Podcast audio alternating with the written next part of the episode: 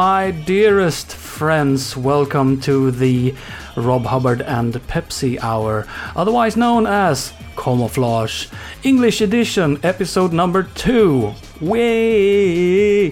This is a podcast that celebrates the lovely full SID chip, which was inside of the home computer Commodore 64 back in the days. Well, it's still in there, but you know what I mean. Um, since my first episode, I've got a lot of great feedback from a lot of great people, uh, especially John Wedgeworth, who gave me some great feedback. Thank you very much, John. Thank you to everyone else who's been telling me that they listen and that they love the show. I feel very happy. You know, comments are life. It's life itself. Hmm, interesting. Well, in the first episode, I told you everything about the show, uh, what its purpose is, what I'm playing, who I am, and everything like that, so I don't have to do that now. I can just get right down to it, and that's the way I like it. I just like to get right into it, and let's play the music.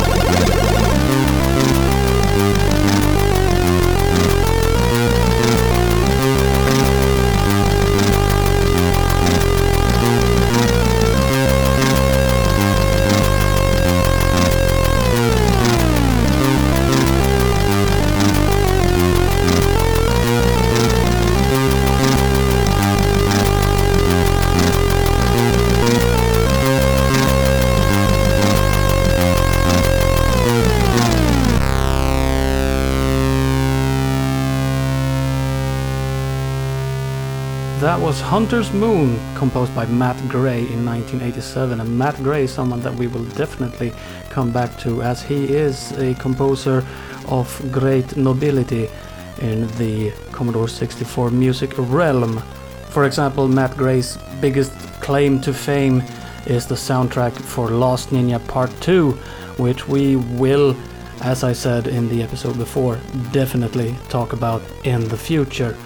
He's been busy the last few years doing remixes of his own music as well as other people's music from the Commodore 64 in a Kickstarter called Reformation and then the follow up Kickstarter Reformation 2 as the first Reformation was very very successful with lots of stretch goals and um, I think you get 1 million tracks or something like that if you back those Kickstarters, which you should because I did and I am a very intelligent person. Now, if you're used to listening to game music from consoles, you probably know that a lot of those composers are Japanese. On the Commodore 64, you would be hard pressed to find any Japanese composers. Maybe if you count the original composers of arcade music, which has been converted to the 64, but even then you'll find that the 64 version often had original music uh, on top of that. Like for example in this title screen music from Konami's Ghosts and Goblins, composed by Mark Cooksey in 1986.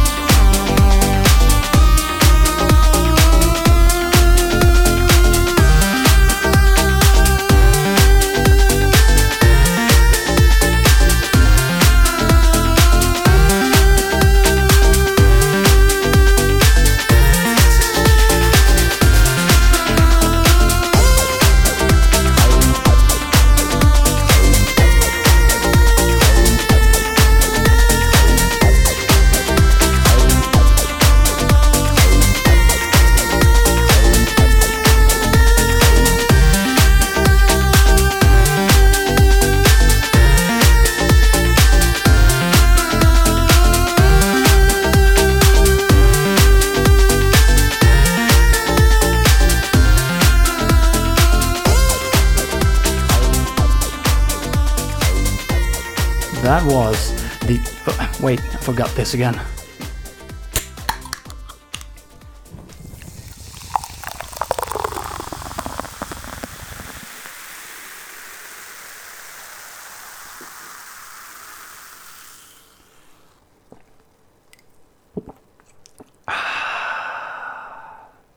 If you're about my age, then maybe you remember that um, Michael Jackson promoted Pepsi in the 80s.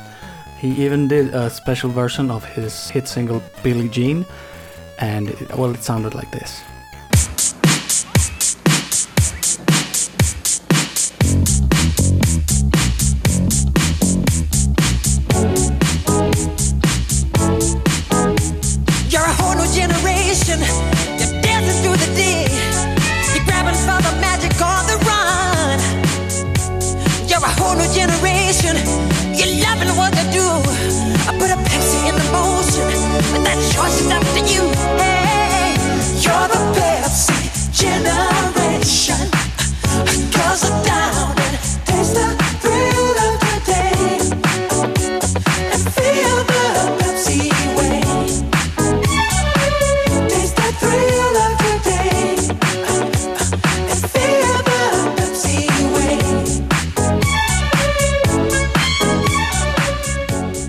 Yes, indeed, the king of pop was actually also the king of pop.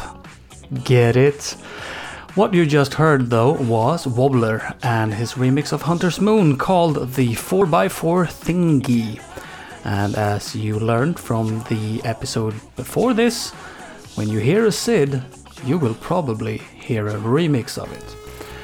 Now, all the remixes of Commodore 64 music is obviously not just all electronics and dance beats and all stuff like that. It can be pretty much anything. You just heard Ghosts and Goblins, so now you will hear Johan Andersson, a very nice Swedish person who uh, is a great arranger of uh, Commodore 64 music uh, mostly and he does them in various rock or bluesy kind of styles. And here is Ghosts and Goblins in his absolutely awesome surf mix.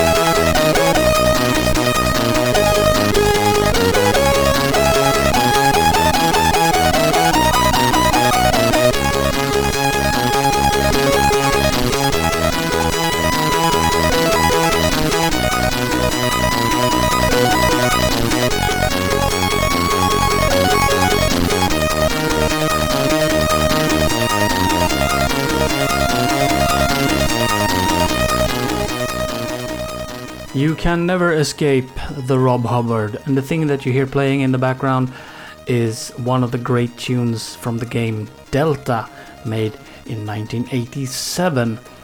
And remember when I said that you can get Commodore 64 remixes in very different styles?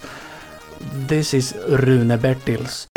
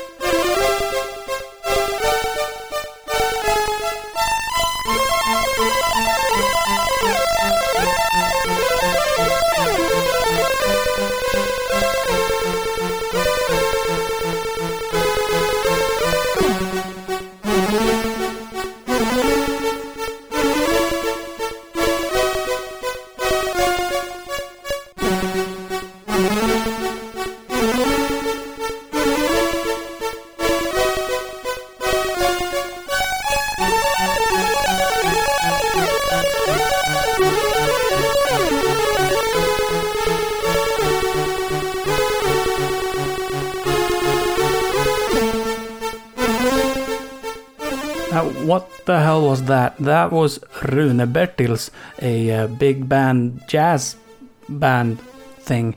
Uh, nowadays, they go by the name of Uncle and the Bacon, and that's a name that you will run into if you look at the Kickstarters that I've mentioned previously in this show. You heard one of the sub tunes from Mission AD, composed in 1986 by Fred Gray, no relation to Matt Gray. And, uh, well, before we move on, we should really listen to one more of the subtunes from Mission AD. This is the second one.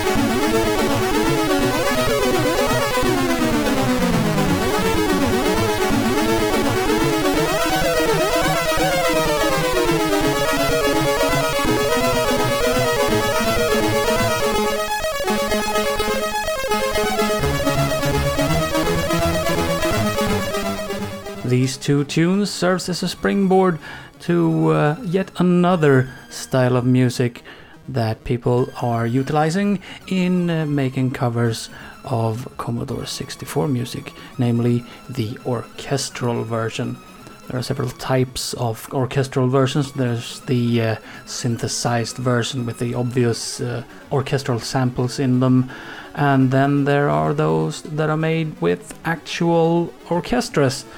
And then there's something in between, something that is obviously made with a computer, but still very, very realistic. This is Mission AD as arranged by Robert Mansfield back in 2005.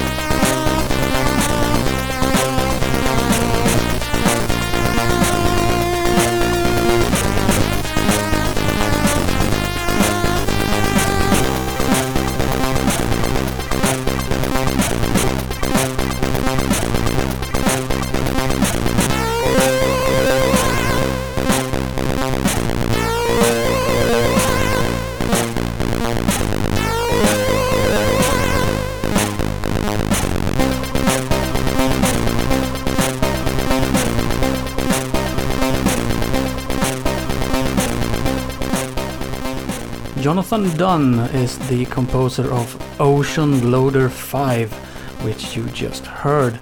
And Ocean Loader 5, you're thinking, what can this be? Well, there was a software company called Ocean. There are documentaries and books on this software company. So if you're interested in that sort of stuff, you can look that up. I'm not very interested. But uh, back then, one of the major composers working for Ocean was Martin Galway. And if you've ever actually loaded a game properly into a Commodore 64 from tape or from disk, you know that it takes a while. It actually takes quite a long time. So, oftentimes, games would have a loader this could show a nice title screen for the game and play some music for you to listen to while you're waiting for the game to load.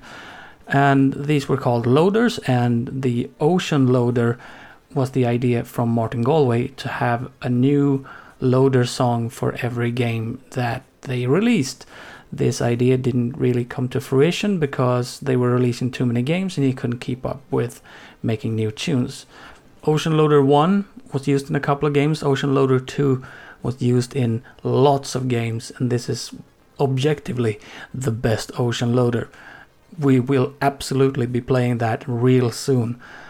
Then Ocean Loader 3 came out, which was composed by Peter Clarke, and it wasn't used in that many games.